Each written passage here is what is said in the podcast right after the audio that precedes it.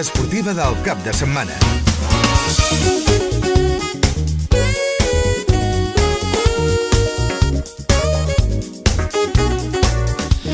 Què tal? Bona tarda. Passa un minut de les 4, sintonia de Ràdio Maricel, la municipal de Sitges. Temps de fer prèvia, com tots els divendres del cap de setmana esportiu. És 7 de febrer de 2020 i, com els dèiem, estem a les portes ja d'aquest nou cap de setmana esportiu que d'entrada ens porta la vintena jornada a la segona i tercera catalana de futbol.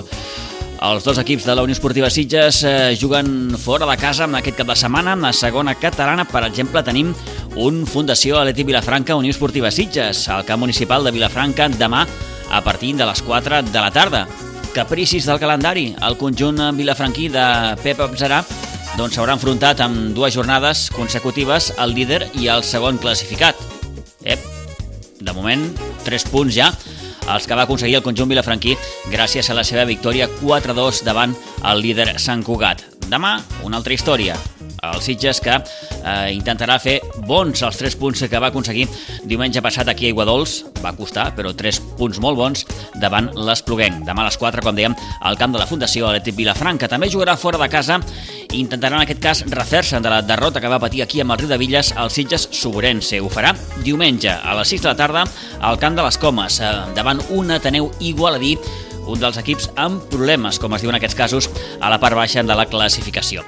Farem prèvia de la jornada futbolística. D'aquí moments, amb l'Isidre Gómez, repassarem tots els partits dels equips de la Blanca. Per exemple, a la primera divisió juvenil comença ja la segona volta. També en repassarem eh, on jugaran eh, i contra qui? Els equips de la base de la Unió Esportiva Sitges. Eh, farem prèvia també del món del bàsquet a la tercera catalana. El bàsquet Sitges afronta aquesta 17a jornada jugant a la pista del CUE, el segon equip del Club Bàsquet Artés, al pavelló d'esports d'Artés, demà dissabte a partir de dos quarts de cinc de la tarda. Ho dèiem dilluns, el calendari d'ara pel que fa al conjunt de Balta Molina és el següent. Com dèiem, demà visita la pista del CUE, la pista de l'Artés, Setmana que ve, jornada de descans i atenció perquè el dissabte 22 de febrer, dissabte de Carnaval, ni més ni menys que el duel que pot acabar sent decisiu, el que jugaran aquí a Pinsbens, Bàsquet Sitges i el segon classificat, el casal de Vilafranca. Eh, parlarem també d'hoquei patins. Farem prèvia de la 19a jornada la primera catalana en el Club Patí Subursitges després d'haver aconseguit la victòria en aquest passat dimarts en partit pendent que teníem a la pista de l'Igualada, a les Comes, on va guanyar per 4-6. Eh, s'enfronta demà al penúltim classificat, el rep aquí a Pinsbens, a partir de les 6 de la tarda. Farem prèvia també de la divisió d'honor catalana d'en rugby, on es disputa la jornada número 7 el calendari també li, li és o li fa pujada ara al Rugby Club Sitges perquè en dues setmanes s'enfrontarà als dos eh, millors conjunts de moment de la categoria, com són Gòtics, demà a Santa Bàrbara a partir de dos quarts de quatre de la tarda i amb el Químic, el líder Químic, eh, la setmana que ve. En aquest temps de prèvia esportiva saludarem Camilo Hanglin, entrenador del Rugby Club Sitges. També xerrarem una estona amb Josep Atzarà, l'entrenador de la Fundació Atlètic Vilafranca, i amb Isaac Martínez, el jugador del Club Patí Subur Sitges. Comencem. Per l'esforç, per l'emoció de la família, pels valors, pels reptes, per la unió de l'equip i dels que recolzen l'equip, pels nervis i per l'alegria compartida. Diguin el que diguin, estic orgullosa de jugar a futbol. Federació Catalana de Futbol, orgullosos de recolzar el futbol i el futbol sala femení. A partir d'aquest 2020, els cotxes més contaminants tenen restringida la circulació dins la zona de baixes emissions Rondes Barcelona. Entra al web atm.cat barra ZBE i introdueix la teva matrícula per saber si disposes d'alguna etiqueta ambiental. Si t'afecta la restricció de la ZBE, l'ATM t'ajuda a trobar alternatives pels teus desplaçaments a través del transport públic. Contribueixes a millorar la qualitat de l'aire. Respira millor. ATM, Àrea de Barcelona. Ràdio Maricel, al 107.8 de la freqüència modulada.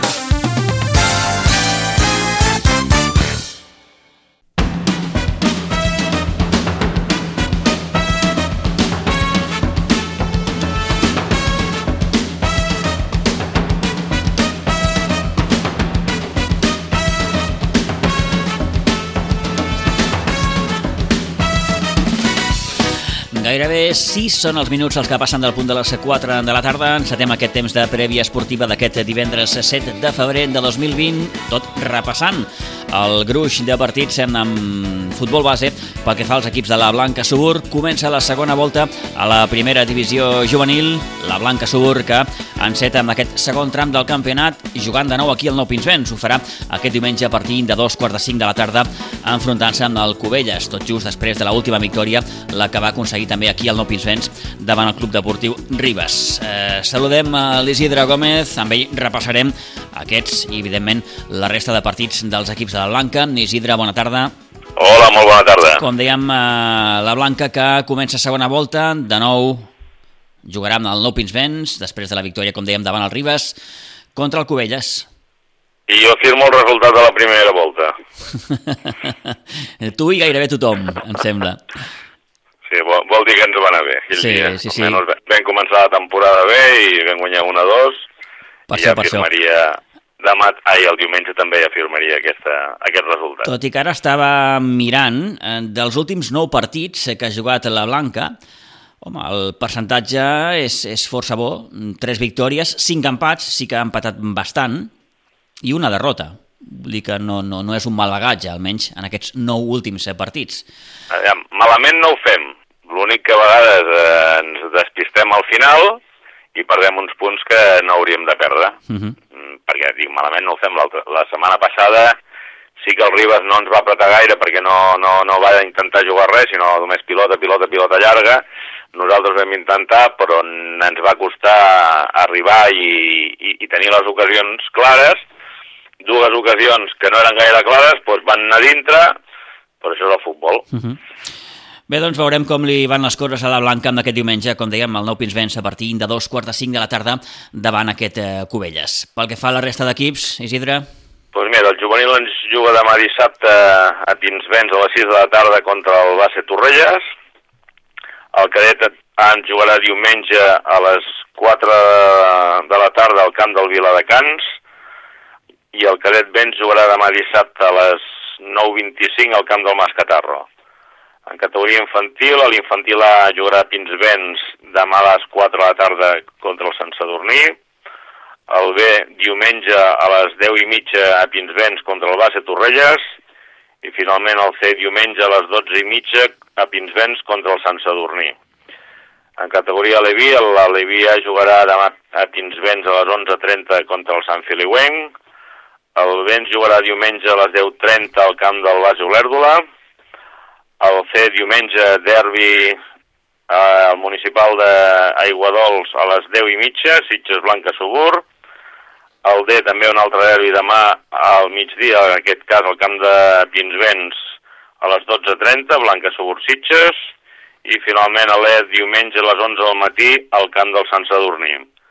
En categoria Benjamí, el Benjamí ens jugarà di, eh, diumenge a les 9 i quart a Pinsbens contra el Cubelles, el Vent jugarà demà dissabte a les 12 del migdia al camp del Piera, el C també demà dissabte a les 10.30 al camp del Ribes i finalment el D jugarà demà dissabte a Pinsbens a les 11.30 contra el Canyelles. Ai, el, les Cabanyes, perdoneu.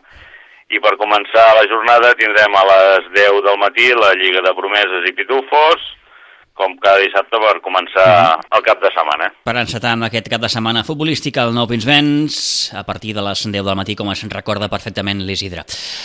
Uh, Isidre, moltes gràcies, que vagi molt bé, bon cap de setmana. Gràcies a vosaltres. Adéu-siau. Fins dilluns.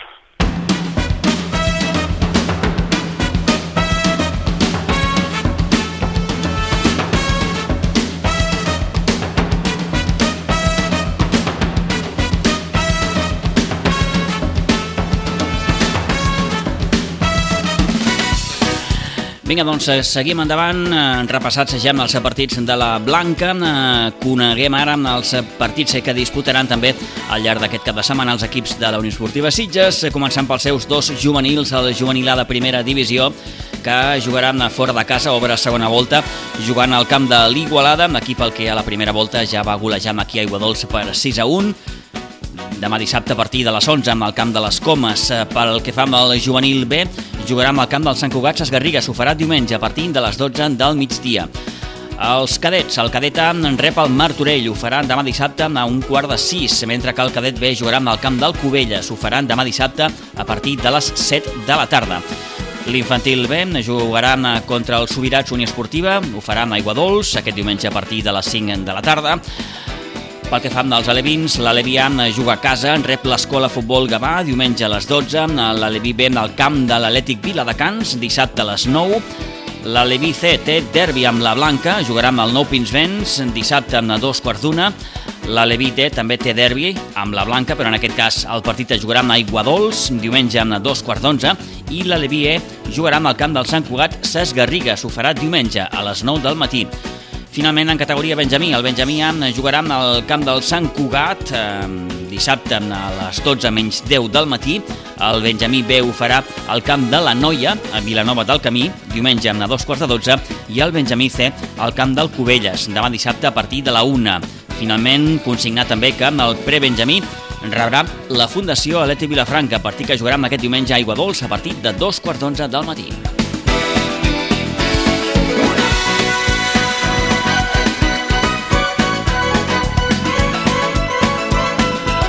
En futbol femení es disputa en aquest eh, cap de setmana la primera divisió, la 18a jornada de Lliga amb el Sitges femení, després del partit que va acabar perdent en la seva visita amb el camp del Levante Les Planes, el seu segon equip, d'una manera contundent, rep demà l'Hospitalet, partit que jugarà al Municipal de Guadols a partir de les 7 de la tarda de demà dissabte.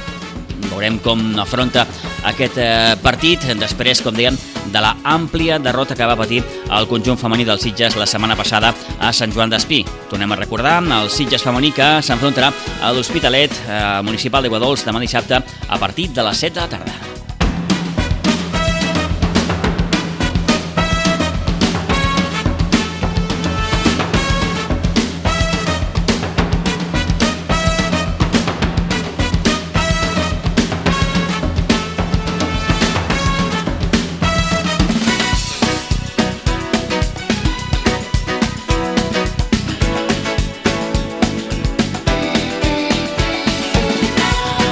Mateix les 4 i 13 minuts de la tarda, per tant un parell de minutets i arribarem al punt d'un quart de 5. Parlem també d'en rugby, hem de fer prèvia de la divisió d'honor catalana en la seva setena jornada.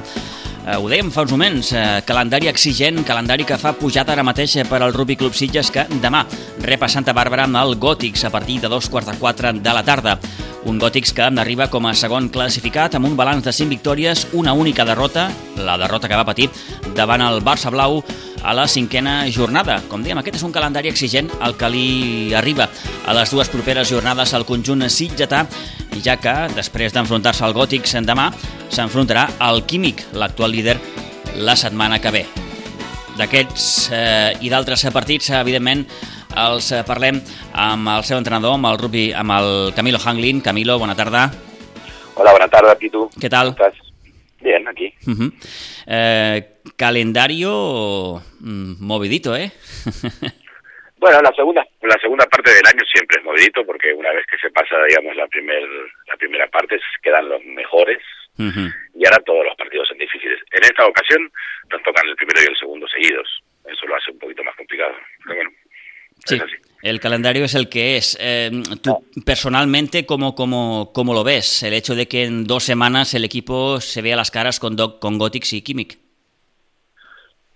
A mí no me preocupa, la verdad, jugar con el primero y el segundo, porque estos son. La verdad que entre los seis que estamos más o menos arriba en punta de tabla, más o menos tenemos el mismo nivel. Uh -huh. Lo que hay unas veces jugamos mejor, otros jugamos peor, pero bueno, estamos creo que todos más o menos iguales. Lo que cambia mucho es el fondo de armario, es decir, cuando amplia sea tu plantilla. Ya. Eh, Kimmich tiene una plantilla muy amplia y el Barcelona tiene una plantilla muy amplia.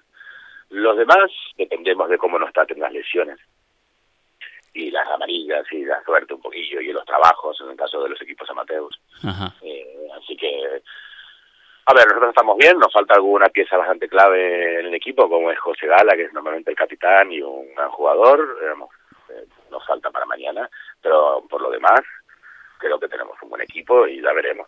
No sé cómo está el Gotis, por ejemplo, para el Gotis le pasa lo mismo, le falta su Ries o su no sé qué, Ya. No estará José Gala, como decías, tampoco estará Víctor, tampoco estará Xavi. El tema de las lesiones, Víctor, ah, perdón, uh, Camilo, os está pasando factura, ¿eh? Sí, la verdad es que eh, sí. sí, sí. Y lesiones largas. Eh, varias, las lesiones algunas son graves, no graves, pero mm. por lo menos de larga duración, de recuperación. Eh, tiene un poco que ver con el estado del campo. Bueno, así como, eh, así como Víctor, perdona, mm, esquivó el quirófano, mm, Xavi no, Xavi se tuvo que operar, ¿no? Sí, señor. Sí, Xavi igual es un jugador muy inteligente, pero muy escuálido, muy liviano, entonces esos golpes le hacen mucho daño en un campo malo y ese tipo de cosas. Ya.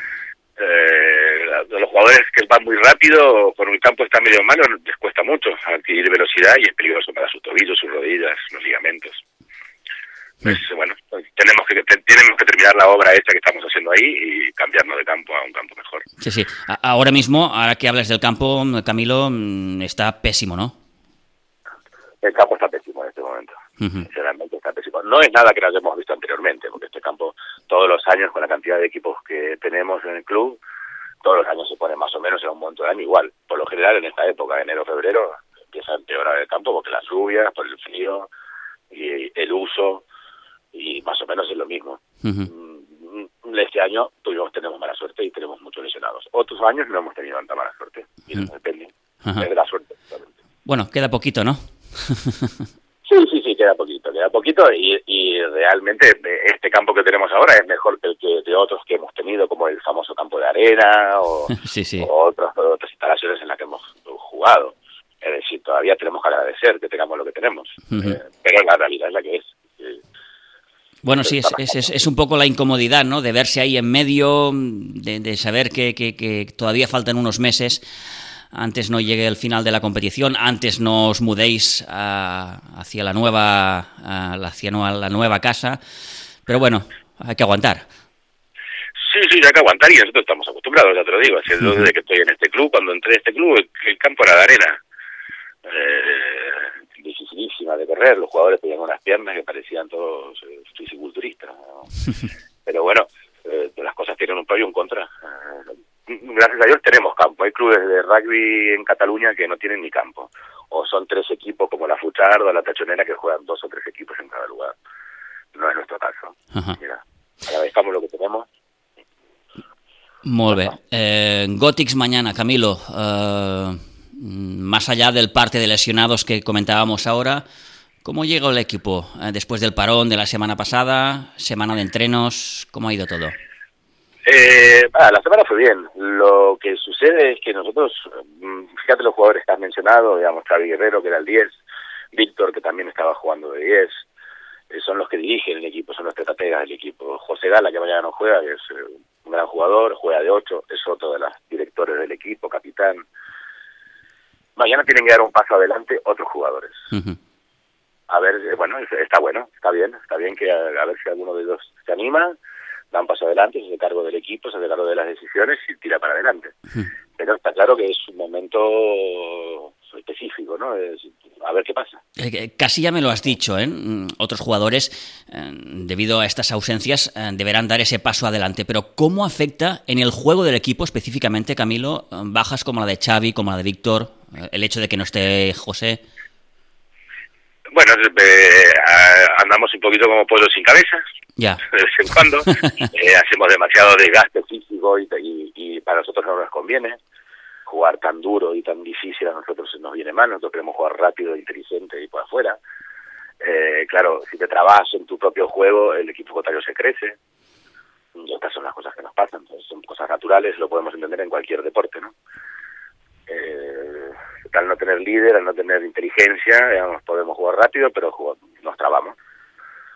Y hoy cada vez que logramos trabajar un poquito, por ejemplo cuando se estuvo Chávez lastimado, empezamos a trabajar a Víctor y ahora también falta Víctor, ahora hay que buscar otro director de juego, otro director de orquesta, todo eso complica, complica, eh. ya lo veremos, a ver quién, a ver quién toma la posta. Hay jugadores importantes e interesantes en el equipo todavía, eh, que tienen muy claro cómo tenemos que funcionar, pero no es tan fácil dar el paso adelante y además contra un equipo como el Gothic, un equipo duro, aguerrido, iba segundo.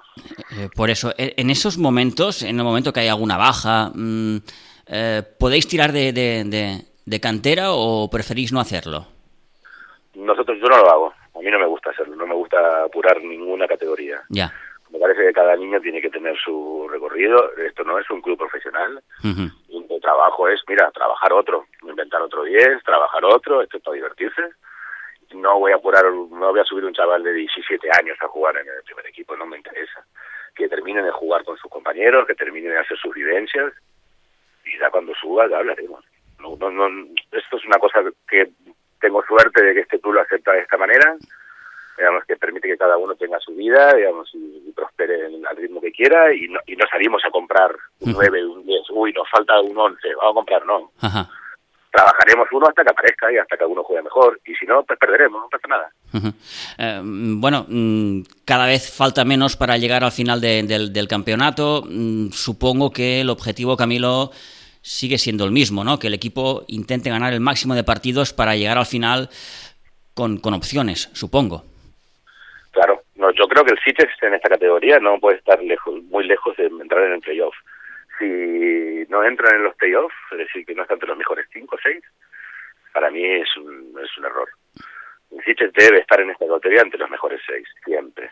Después, los playoffs, las finales, las semifinales, ahí ya depende un poquito de la suerte, del día, de tu fondo de armario, Ajá, del año específico, como fue, claro, claro. cómo. Pero por el volumen de nuestra escuela, por nuestra manera de jugar y por la historia que da pocas jóvenes somos, pero la tenemos, tenemos que estar en el playoff. Claro, lo que, catalana, tenemos que estar. lo que pueda pasar después en, en, en el face-to-face será, será diferente. Eh, bueno, Gothics mañana, mm, ¿por dónde pasa el partido? Mira, el Goti es un, es un equipo que, ha, que durante una época era un poquito demasiado agresivo, eh, en el mal sentido de la palabra, es decir, se perdía en agresividades y no jugaba al rugby. Pero en los últimos años ha cambiado. Y ahora empieza a jugar un rugby mucho mejor. Ajá. Eh, yo es uno de los equipos que más lo he visto prosperar en los últimos años, para mí, desde mi punto de vista. ¿eh? No digo que todo el mundo piense igual. Ujú. Pero a mí me gusta, es un equipo completo, muy aguerrido, muy sólido, que te presiona y que tenés que reaccionar lo mejor posible. El, el- ¿Dónde va a estar la clave? En quiénes de los nuestros den el paso adelante. Yo estoy seguro que algunos lo van a dar. Ahora, ¿serán los correctos? ¿Será el 10, el director de juego, el que nos dé inteligencia y por el lugar correcto? ¿O será otro que, que, que no tenga tan, las ideas tan claras el que dé ese paso, paso adelante? Eh, No de- decías eh, hace un instante que más o menos el nivel es bastante parejo. Mm, Sí. mm, Para mí sí. eh, ¿Hay quizás algún equipo que, que tú consideres que esté un poco por delante? No sé, mm, Kimmich, por ejemplo. Sí, pero lo que te, básicamente por el fondo de armario, no tanto por el nivel, digamos, porque creo que el nivel más o menos todos los entrenadores son bastante buenos entrenadores, los jugadores que tenemos son los que tenemos, y, digamos, y, y algún momento específico puede haber un equipo que esté muy por encima del otro. Kimmich este año creo que está muy filoso, está muy bien, pero creo que mucho pasa por el fondo de armario, es decir, Kimmich tiene dos equipos de 60 tíos, yo tengo 30. Sí, sí. Y claro, tiene el doble. Bueno, eh, puede tirar de esos jugadores, puede trabajar. Yo me encuentro con que no tengo ni siquiera jugadores por ahí de características para jugar de 10. Eso lo entendemos, ¿no? Hay jugadores que tienen características para jugar de 1, de 2, de 8, habilidades físicas, psicológicas. Y a mí me, me cuesta encontrar o- o- otro 10. Te lo has de inventar. que mentalmente, claro, tengo que meter uno que sé que no va a servir o que va a servir de otra manera. Tengo que jugar de otra manera y que se hace, que no pasa nada, pero me, me cuesta encontrar los físicos ya, y las mentalidades de ese puesto. Eh, de Yo aquí, supongo que en 60, en 60 tíos el Kimmich tendrá, eh, en vez de Ya. dos, como tengo yo, cuatro. Sí, sí, sí, sí. De aquí un poco mi pregunta que te hacía antes, Camilo, si, si en casos así eh, tiras un poco de cantera. La respuesta ha sido muy clara, ¿eh? Ya, ya, ya ha quedado claro. No tiro de cantera. Digo, tengo paciencia, el año que viene vendrán otros, vendrán otros. y-. De acuerdo, de acuerdo. Camilo, gracias por atendernos una vez más. Que vaya bien el partido de mañana a dos cuartos de cuatro, Santa Bárbara, un partidazo eh, entre el Sitges y el, y el Gòtics. Que vaya muy bien, gracias, un abrazo. Muchas gracias, Pito, un abrazo, hasta luego.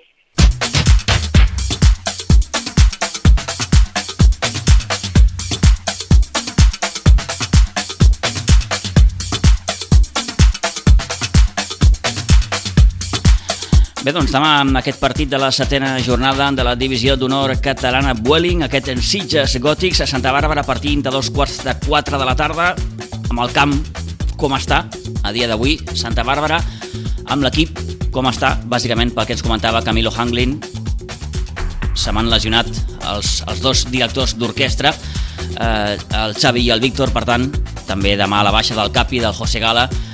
Per tant s'haurà d'inventar algun jugador com deia el míster, que faci el pas endavant per intentar doncs, treure un bon resultat i seguir en aquesta part alta de la classificació.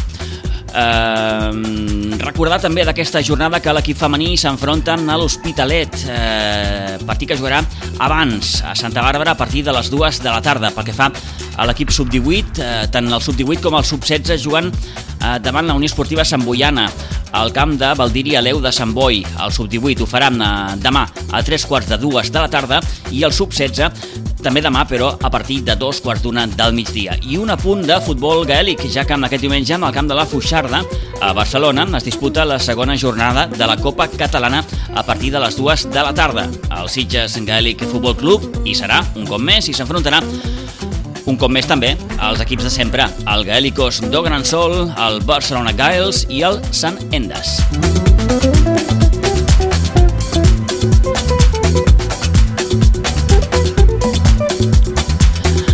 Ara mateix 4 i 27 minuts de la tarda, arribant ja al punt de dos quarts de 5, obrim plana futbolística, hem de fer prèvia ja del que ens espera de la vintena jornada tant a la segona com a la tercera catalana. El grup tercer de la segona catalana, la Unió Esportiva Sitges, després del seu triomf eh, treballat sense cap mena de dubte, 1 a 0 davant l'Espluguenc, visita demà al camp de la Fundació Atlètic Vilafranca. D'aquí moments donarem quatre dades del conjunt de Pep Atzarà. El partit es jugarà demà a partir de les 4 de la tarda. Hi ha uns quants partits més eh, per la tarda de demà dissabte. A les 6, eh, per exemple, el Font Santa Fatjó rebrà el Sant Andreu de la Barca. També a les 6, eh, el Cubelles té un desplaçament dificilot perquè jugarà amb el camp de l'Atlètic Prat Delta. A un quart de set, el Sant Cugat rep el camp Buixeres i a dos quarts de set, el Sant Joan d'Espí rebrà a l'Espluguenc. Els partits que falten tants com 4, van tots per diumenge. A les 12 tenim l'Almeda Olivella, també a les 12 el Molins de Rei Valldoreix, a la 1 el Bellvitge s'enfrontarà amb el Marianau i tancarà amb aquesta jornada el partit de les 5 de la tarda entre el Sant Mauro i l'Atlètic Júnior.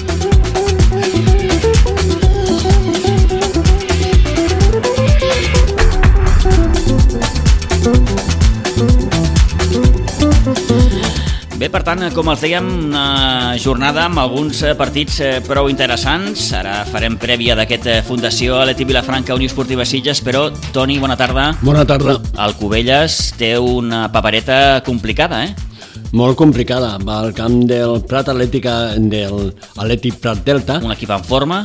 Molt en forma. Que va cap amunt. Sí, i que està fent una, un campionat molt bo. Potser, eh, doncs, al seu camp, eh, doncs és una miqueta més feble, eh? que no a Can Contrari, perquè a Can Contrari és un equip que pràcticament no està guanyant tot. A casa ha perdut punts, i això té que aprofitar el Cubelles doncs, per a mm, intentar sumar alguna cosa. No? Un Cubelles, Toni, recuperat també. Parlàvem del, de, de la bona temporada del conjunt del Prat Delta, però el Cubelles ha aconseguit, sembla, superar el seu mal moment. Sí, Sí, té un bon equip. I té en Jan Casas, ho dèiem dilluns, eh? el seu màxim referent a l'hora de, de, de marcar gols. Sí, és un jugador molt, molt interessant i més ara que doncs, Francesc Mirina sempre juga una miqueta més atrasat, més al mig del camp, uh -huh. o fent una miqueta més de mitja punta, no? Eh, en canvi, el Jan està tot arreu, eh, marca molt gols i, i li dona victòries importants al seu equip, com, com va ser la setmana passada. Exacte. Uh, L'Olivella, que també té una visita complicada, eh? Almeda. Sí, Sí, és un equip també que ha anat de menys a més, eh, que és un molt bon equip i al seu camp costa molt de guanyar. Eh? El seu camp és complicat guanyar i juga al seu camp i el Covelles té que anar a per totes, lluitar com amb ells l'agraden eh, i no serà un partit fàcil. Eh?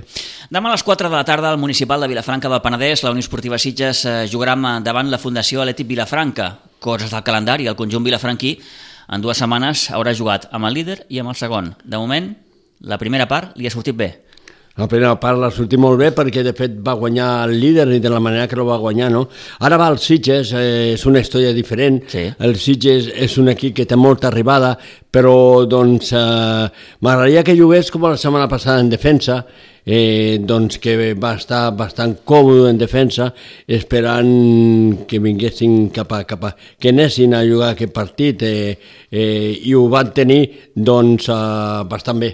Uh -huh. eh, destacàvem dilluns la dada que ens apuntava el Toni, eh? eh aquest Sitges que ha aconseguit mantenir la porteria zero només en tres partits. Tres partits, i, eh? un, i un és aquest. Sí, sí, eh? un precisament amb el que va enfrontar el conjunt sitgetà i la Fundació Alti Vilafranca al Municipal d'Aigua Dolça a la primera volta, on el Sitges, recordem, va guanyar per 2 a 0 i els dos de l'Espluguenc, tant allà, empat a 0, com el de l'altre dia aquí, 1 a 0. Correcte, Són els correcte. tres únics partits en què el Sitges ha aconseguit mantenir la porteria a 0. Correcte, aquí la va mantenir a zero, però aquí va patir molt, eh? perquè eh, sobretot a la primera part la Fundació Leti Vilafranca va fer un partit molt seriós, sabia el que jugava, continuen sabent a lo que juguen i cada vegada una miqueta més. Mm, No van començar el campionat força bé, de fet és un equip que se recupera molt a la segona voltes eh, i ara és quan sembla que comença a tenir una línia ascendent. No? Ho destacava l'altre dia el Manel, quan li preguntàvem sobre aquest partit i deia, compte, perquè la Fundació de Vilafranca eh, s'està recuperant, ho està fent bé i, i, i sempre és un equip que acostuma a anar de menys a més. Sí, sí, i sobretot les segones voltes, no? És un equip que eh, doncs, es col·loca al seu lloc, eh, sobretot eh, assegura els punts de casa, i és un equip molt difícil, eh? eh tot i, i, i portar un campionat eh, doncs, irregular, irregular, no? Doncs eh, li va portar molts problemes al Cubelles, que va jugar, va guanyar per la mínima, eh, i quan a mi me destacava Xavi Vilagut, que l'havia agradat més a la Fundació Leti Vilafranca que el seu equip, tot i que havia guanyat per la mínima, no? Uh -huh. És un equip que estava jugant bé, que potser no arribava a la pilota a dintre, no? que faltava el gol, eh, i doncs ara s'està recuperant força bé. Doncs qui millor ens pot parlar de la Fundació Leti Vilafranca és, evidentment, el seu míster, en Josep Atzarà. Josep, bona tarda. Bona tarda. Eh, què tal? Bé, bé. Eh, Tens ara aquesta sensació que nosaltres ara estàvem comentant, Pep, mm, una miqueta que, que, que, que l'equip eh, s'està recuperant, que últimament eh, esteu millor? Sí, bueno, cada any ens trobem el mateix. Eh, S'ha de pensar que és un equip que, que cada any incorpora 6, 7, 8, fins 10 juvenils que acaben d'etapa de juvenil i per tant s'han de fer una miqueta aquestes categories. No? Llavors, bueno, hi ha un període d'adaptació que a vegades és més curt, de vegades més llarg, que aquest any potser és una miqueta més llarg de, de lo normal, però bueno, mica en mica l'equip ja està entrant dins en dinàmica de competir bé, de, de no fer errades, tantes errades com es feien al principi, perquè a més a més, com que volem sortir darrere jugant, això comporta que hi hagi moltes pèrdues, i bueno, mica en mica l'equip va agafant la dinàmica bona com cada any, no? El que passa que, bueno, això cada any no pot passar. clar, clar, clar. I, i, i, I volia dir que eh, això ho has de fer en una categoria com és aquesta segona catalana. Sí, bueno, al final totes les categories són complicades, no? Mm. Mm. però sí que aquesta categoria, a més a més els equips a partir d'aquestes dates també molts equips de la zona de Barcelona es comencen a reforçar per, perquè no els hi perilli la, la categoria i bueno, és, és, és, és complicat, és complicat. Uh -huh. Ara estava veient, veu fer un molt bon paper la temporada passada, eh, també a segona, us veu classificar en cinquena posició. Mm, clar, serà difícil repetir-ho, però bé, en qualsevol cas, eh, la situació és la que és i aquesta Fundació Lati Vilafranca ara mateix Sí. s- bé, s'està recuperant, està intentant sortir d'aquesta zona perillosa de la classificació i veu donar, crec que un pas important l'altre dia guanyant el líder, el Sant Cugat. Bueno, mira, aviam, l'any passat també has de pensar que la jornada 10 anava amb últim. Imagina't, sí, sí, no, cada, no, no. Cada any, cada any comencem molt irregulars, perquè ja et dic, perquè pel, pel tema de que hi ha un munt de gent jove que s'ha adaptat una miqueta a la categoria, i bueno, mica en mica doncs, els, els jugadors que són bons jugadors doncs, es van, van adaptant bé i van, van progressant, no? I bueno, doncs, com cada any, doncs ara ja comencem a estar en una dinàmica més bona, però a tot això ja dic, hi haurà un any que, que això no ens sortirà i, Uh -huh. I, i, i costarà molt, però bueno, eh, jo sí que veig que l'equip ara ja està molt més còmode dins del camp, jo també potser al tenir gent nova doncs haig d'acabar de veure com, com es troben més còmodes i bueno, una mica entre tots doncs anem, anem cada vegada jugant més bé i traient més bons resultats. Uh -huh. eh, com dèiem, el calendari no, no, no té amics, com, com que es diu en aquests casos. No, no, els partits, aquesta categoria els partits s'han de jugar tots. És... Nosaltres eh, l'altre dia vam guanyar el Sant Cugat i vam anar al camp de Sant Mauro i vam perdre 5 a 2. Eh, I tu els partits, per això dic que eh, com que són gent jove, doncs eh, no, els hi falta tenir aquesta regularitat cada setmana, que, no repetir errades i bueno, això té un procés, no? i aquest procés bueno, doncs, mica en mica es va agafant i mica en mica es va aconseguint. Mm -hmm. Et deia allò del calendari, mm, Josep, bàsicament perquè, clar, mm, en, en dues jornades eh, líder i segon classificat. Sí, bueno, però això, això no, no ho triem. Clar, clar, clar, clar. Bé, no? -huh. eh, però bueno, ja et dic, eh, no, no, nosaltres no, no és un tema que ens preocupi molt el tema de, de, la, posició, de la classificació, perquè com que la manera de jugar no la, no la variem i el que volem fer, volem fer contra el primer contra l'últim, al final és, és un problema que de l'equip assumeixi el, els objectius de, en quant a joc i això, perquè a més a més han d'aprendre a mantenir una continuïtat perquè a més a més tenen un objectiu molts d'aquests jugadors que alguns es vagin incorporant amb el primer equip, com ja ha passat aquest any passat. Uh -huh. eh, veu aconseguir tres punts, repeteixo, molt importants per vosaltres, eh, gràcies a, a la victòria 4-2 amb, el, amb, el, amb el Sant Cugat. Eh, no sé, quina, quina, aprofito que tinc el telèfon, quina lectura fas d'aquesta victòria? Bueno, eh, el que estàvem parlant, l'equip jo ja estic veient que està agafant una dinàmica bona en quant a eh, a competir bé fins l'últim minut, eh, estan, s'estan produint menys errades, i la, per exemple, la setmana passada al camp del Prat Delta al minut 80 guanyàvem 1 2 amb un perill que teníem molt controlat i vam fer tres errades, bueno, dues errades d'aquestes de, de no estar per la feina això, el segon, l'empat d'ells va ser amb, amb una falta que ens va pitar l'àrbit que ens han quedat protestant molts, van sacar ràpid ens van fer un gol, bueno, que aquestes categories això doncs, eh, eh, et fa perdre punts i et fa que no assumis, però que l'equip veig que ja està en una dinàmica de, de, de, ja està més bé al camp i bueno, sempre hi ha aquests moments puntuals que fan que, que, que doncs, s'escapi algun punt, no? però ja et dic, era un partit que, que el veiem complicat, però tal com veig l'equip eh, eh, podem guanyar qualsevol equip, també podem perdre perquè hi ha moments que ens, ens descentrem, però al final l'equip, ja et dic, va, va agafant aquest, aquesta mica de consolidació dins la categoria que suposo que això acabarà de fer que anem sumant punts. Uh -huh. I el partit de demà, Pep, com el veus? Pues, complicat, eh, com cada any. Eh, què, què passa? Pues el Sitges és un equip que, que tant a darrere com a davant té, solventa molt bé les seves situacions i bueno, serà qüestió de nosaltres no donar opcions perquè ells es trobin en, en, en situacions com es van trobar eh, a la primera volta, que nosaltres la primera part no els vam donar opcions i nosaltres no vam aprofitar les nostres i en canvi la segona ens van fer el primer gol amb una pèrdua de pilota en sortida de pilota que ells van, van poder aprofitar i a partir d'aquí es va trencar una miqueta el partit i doncs demà jo crec que serà el partit igual. Nosaltres hem de mirar de fer les menys errades possibles en quant a sortida de pilota i amb, amb el joc que volem fer per no donar-los opció. Si cas les opcions que es facin, que se les creïn ells. Eh, no sé, suposo que sí, que tens una mica detectats quins són els problemes que pot tenir aquests Sitges. Eh, vaja, tampoc sé, cal ser massa, massa, massa intel·ligent en aquest sentit. Eh, és un equip que, que sí que marca, fa molts gols, però també n'encaixa molts. Bueno, per això, és com et deia, no? Al final mm. nosaltres hem de mirar de, de minimitzar molt les, les nostres opcions de, de pèrdues de pilotes, sobretot quan estem sortint, no? Perquè això fa que l'equip estigui una mica descol·locat i és el que al final aprofiten la majoria d'equips, no? La, la sortida aquesta de pilota que, que volem fer moltes vegades, que si ens agafa mal posats eh, ens crea espais i, i lògicament els equips que estan a dalt és perquè aprofiten molt bé això. Eh, la setmana passada amb el Sant Cugat no li vam donar moltes opcions, i nosaltres sí que vam aprofitar les nostres, que és el que ens està passant ara. Mm -hmm. Per cert, com, com vas veure el Sant Cugat? Bé, vaig veure un equip, un equip sòlid, un equip mm, que està ben posat al camp i que, que, que, que lògicament sumarà punts perquè té gent, gent de qualitat i, i saben el que juguen. Sí que han variat una miqueta al principi quan jugaven, però continuen apretant dalt i és un equip que, que, que estarà allà dalt i ja des d'un principi, del principi de temporada ja, ja ho vaig tenir clar que, era un equip que, que serà els que estarà competint dalt. Uh -huh. eh, I l'objectiu d'aquest Atlètic Vilafranca, Pep, quin ha de ser? L'objectiu és preparar jugadors perquè puguin anar jugant, puguin saltar al primer equip. oh, és, és molt... L'objectiu de moment s'està aconseguint perquè ens van pujant, lògicament ens debilita una miqueta a nosaltres perquè perquè doncs, perdem jugadors que són importants dins l'equip, però mm, a la vegada contents perquè el primer equip va incorporant jugadors.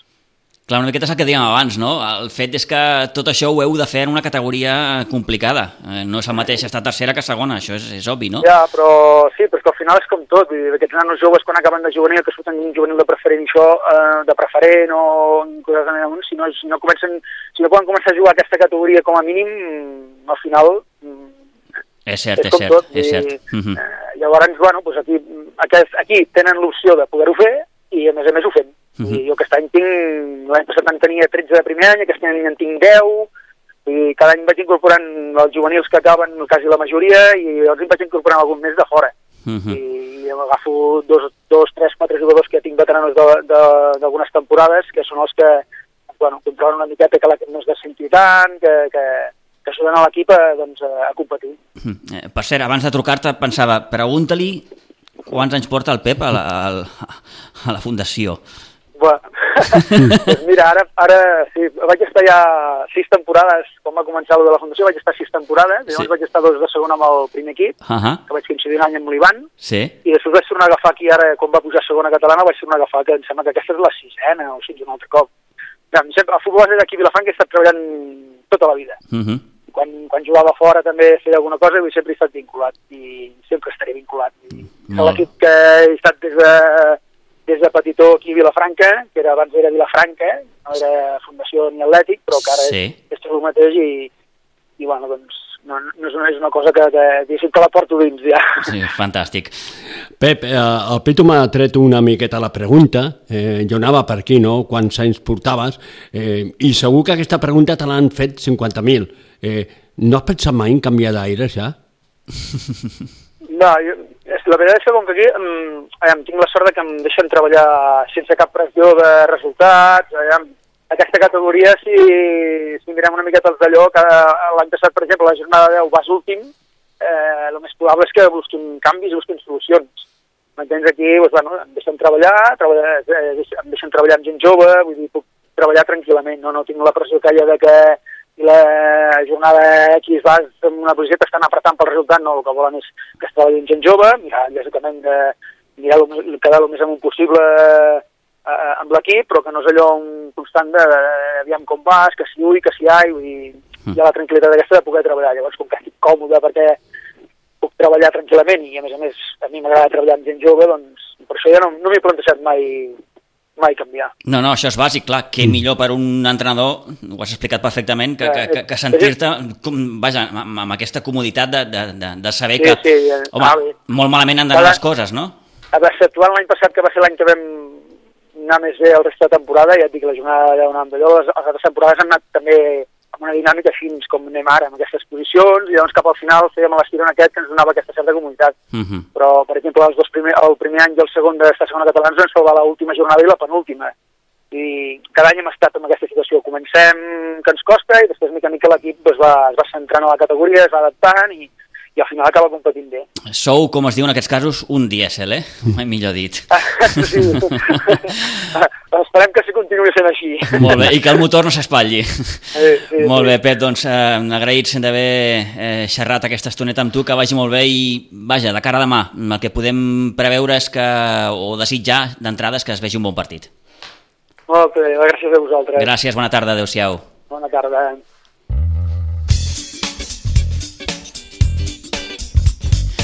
Bé, doncs, Pep Abzarà, podríem dir que gairebé tota una institució ja, eh?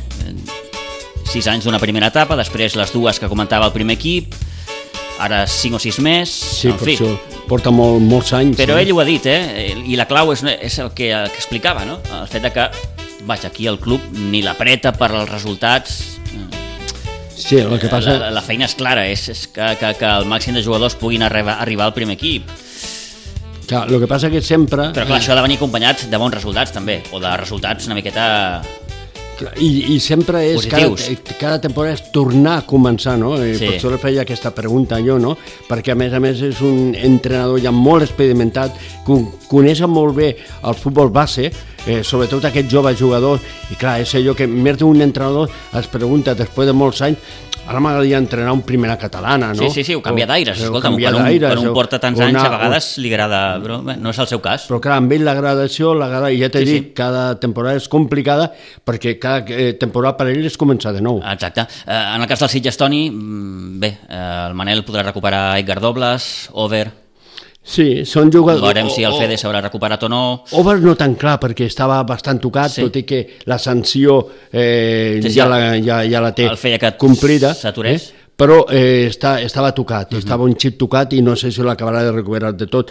Recupera el gat dobles eh, i, té que, i ha recuperat les sensacions, que era guanyar un partit eh, després de tres derrotes consecutives. Són conscients, el Manel va estar veient el partit, és conscient com juga la Fundació Leti Vilafranca, coneix molt bé el Pep eh, i doncs sabrà com, com jugar aquestes armes, no? Seria molt interessant doncs, a sumar els tres punts. Molt bé, demà a les 4 de la tarda al camp municipal de Vilafranca del Penedès aquest Fundació Aleti Vilafranca Unió Esportiva Sitges. La tercera la comentem ara mateix.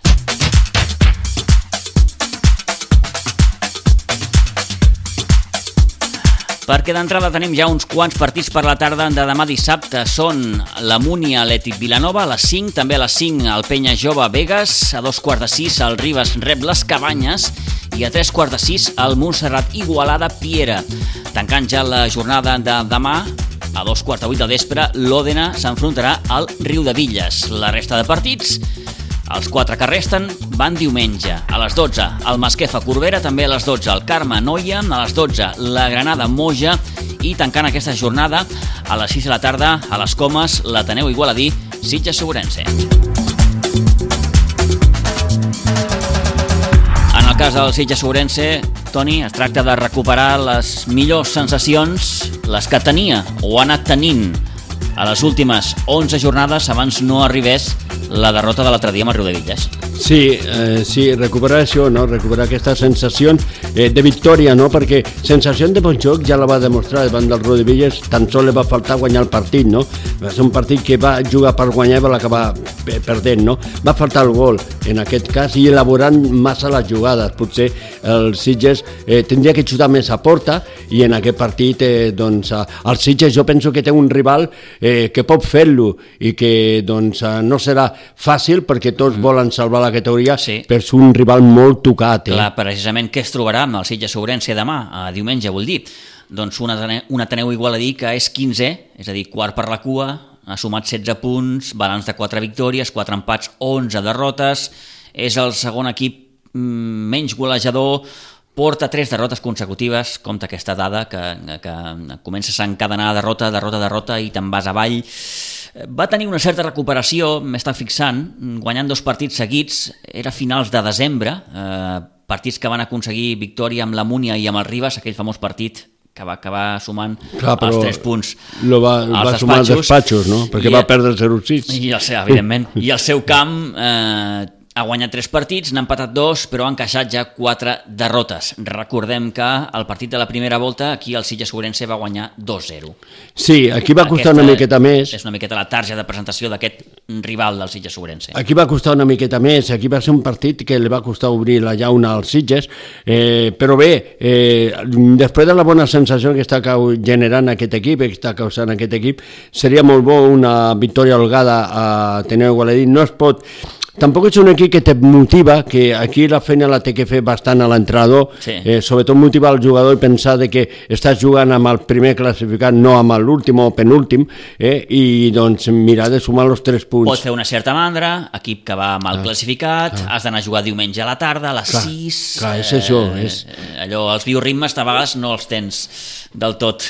Clar, clar. Eh, però clar, és això, no? Sí, aquí una miqueta que, el que deies, no? És una miqueta la, la, la, la feina del míster de, de, de dir, nois... Eh. Senyor, són tres punts importants, sí. eh, sumem aquests tres punts i encarem doncs, aquesta segona volta eh, bé, perquè doncs, ho van perdre a casa imescudament davant del Sant Pedro de Villa i ara anem a recuperar-les a Igualada. Mm -hmm. Compte perquè veig que hi ha uns partits també molt interessants, eh? un Ribes les Cabanyes, és un partit... No, no està gens malament. Molt, molt interessant eh, mm, perquè el Sitges, eh, perdó, perquè el Ribas pateix molt al seu camp i les Cabanyes és un equip eh, doncs que encaixava poc gols, però és un equip que le pot fer també, eh, el cas de l'Òdena, no? Eh, le va fer mitja docena quan és un equip que no, que no encaixa gols. Serà complicat. Uh. -huh. Bé, doncs veurem com es desenvolupa amb aquesta jornada. De moment ho deixem aquí, gairebé 4 i 50 minuts. Seguim endavant.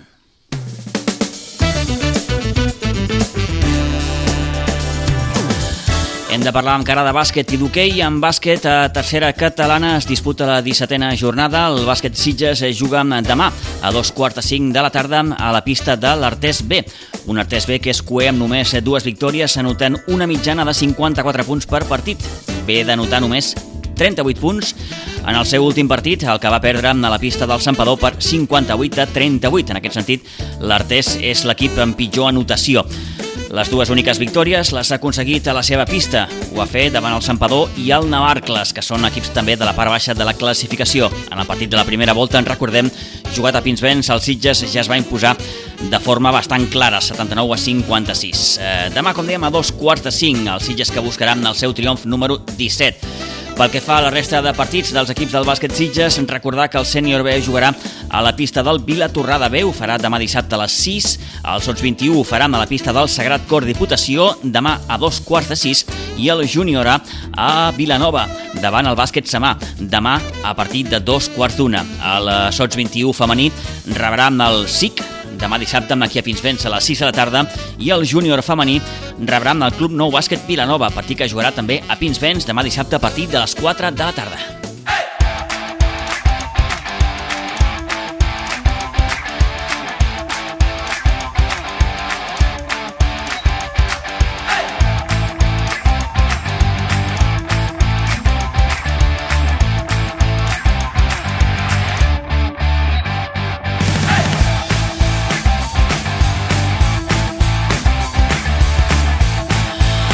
No minuts i arribarem a les 5 de la tarda. Eh, parlem d'hoquei patins perquè aquest cap de setmana arribem ja a la 19a jornada del grup B de la primera catalana.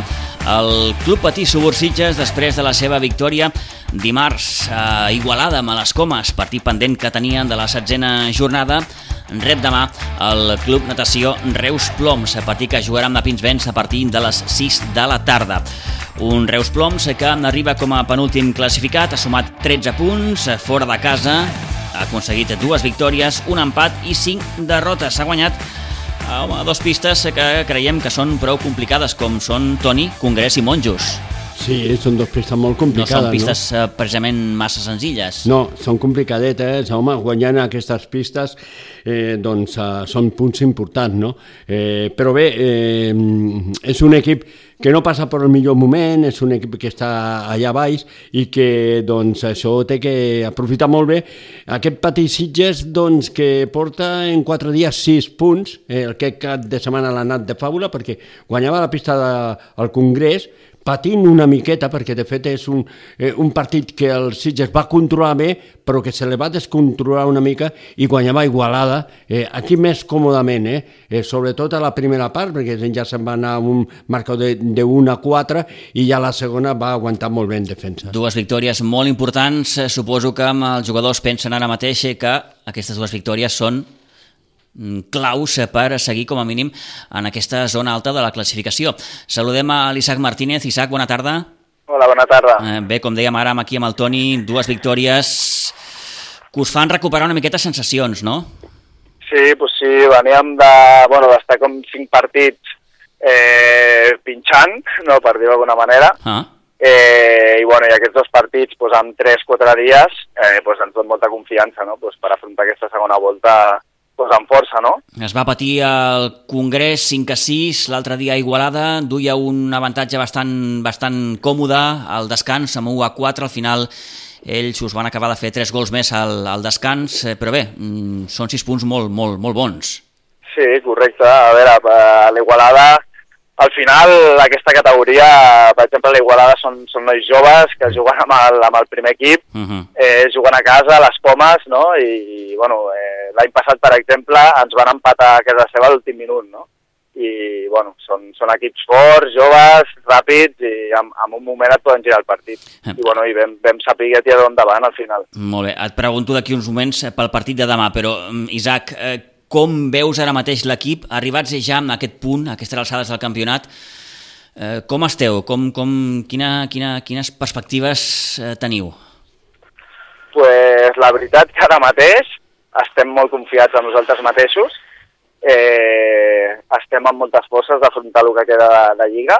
I, bueno, aquest, o sigui, si haguessis fet la pregunta fa dues setmanes, poder el, el meu discurs hagués estat una mica diferent, uh -huh. però bueno, després d'aquestes dues victòries també hem tingut un reforç, un fitxatge ara eh, a última hora, al, al Biel, i bueno, és un jugador molt bo, que, que ens aporta molt no, a nivell de joc, i bueno, estem doncs, molt motivats no, de, de, de tirar endavant i arribar als play-offs, que és l'objectiu d'aquesta temporada. Mm. Eh, de fet, eh, el partit que veu jugar aquí amb l'Espanyol, ho recordaràs perfectament, l'equip ja va fer un bon partit. Eh, no, no, no es va guanyar, però, però sí. l'equip ja mm, va demostrar que, que, que, que està preparat per competir a, a un bon nivell.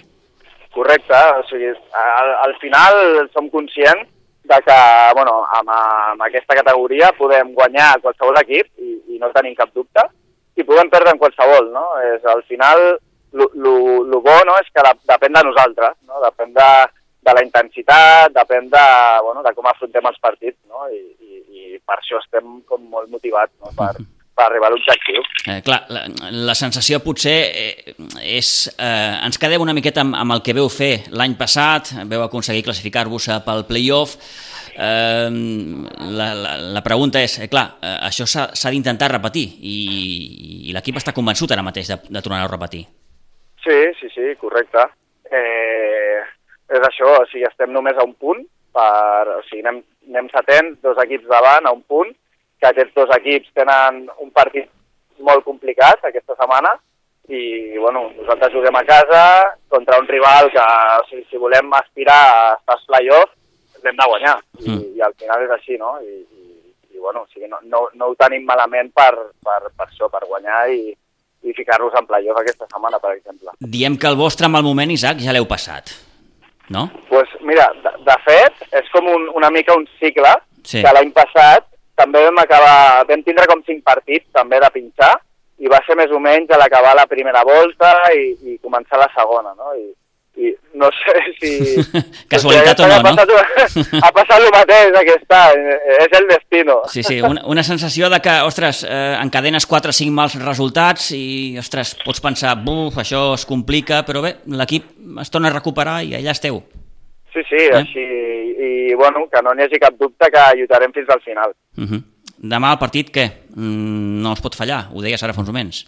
Sí, sí, sí, és, és un partit a casa eh, i, i això, un partit, pues, a veure, eh, estan per sota la classificació i hem de sortirem a guanyar, sortirem a per totes. Uh -huh.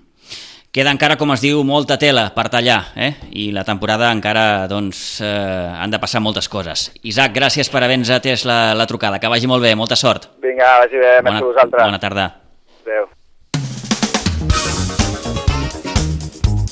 Bé, doncs, ens ho acaba de dir l'Isaac Martínez. Demà no es pot fallar. No, no, no pot fallar perquè... Doncs, perquè, clar, tu al mal moment ja l'has passat. Sí, i que un dels grans problemes que tenia el Sitges era gol. En dos partits el Sitges ha marcat 12 gols. S'ha recuperat aquesta sensació del gol. Eh, ara està millorant en defensa. L'obsessió també de que aquesta temporada l'equip no havia de patir tant al darrere. Exacte, eh, encaixar això... menys gol. Sí que ha portat dos partits que ha encaixat, però també has marcat més, no? I després una altra cosa, ara te ve un Reus eh, en hores baixes, que està avall, però és que la setmana que ve tens que anar a la pista d'un altre Reu. Sí, sí. Aquest pot ser menys bo i l'altre el més bo. Sí, el, el Reus ens ho permetran, bo, bo, perquè és el segon classificat. Eh? Correcte. El de demà és el Reus Ploms. Eh? Per això t'ho dic. Per això doncs, dic. Eh, de moment, pas a pas, demà, com dèiem, a les 6 de la tarda, aquest eh, Club Patí Subursitges Reus Ploms. Recordem també que el sènior B jugarà a casa, ho farà després, a dos quarts de vuit, davant l'Amposta, que el júnior rebrà l'Horta, en aquest cas abans del partit del sènior, a dos quarts de cinc, que l'Aleví té partit de Copa Federació a la pista del Calafell demà dissabte a les 4 i el Benjamí a la pista del Noia Freixenet a Sant Sadurní diumenge a partir de les 10 del matí.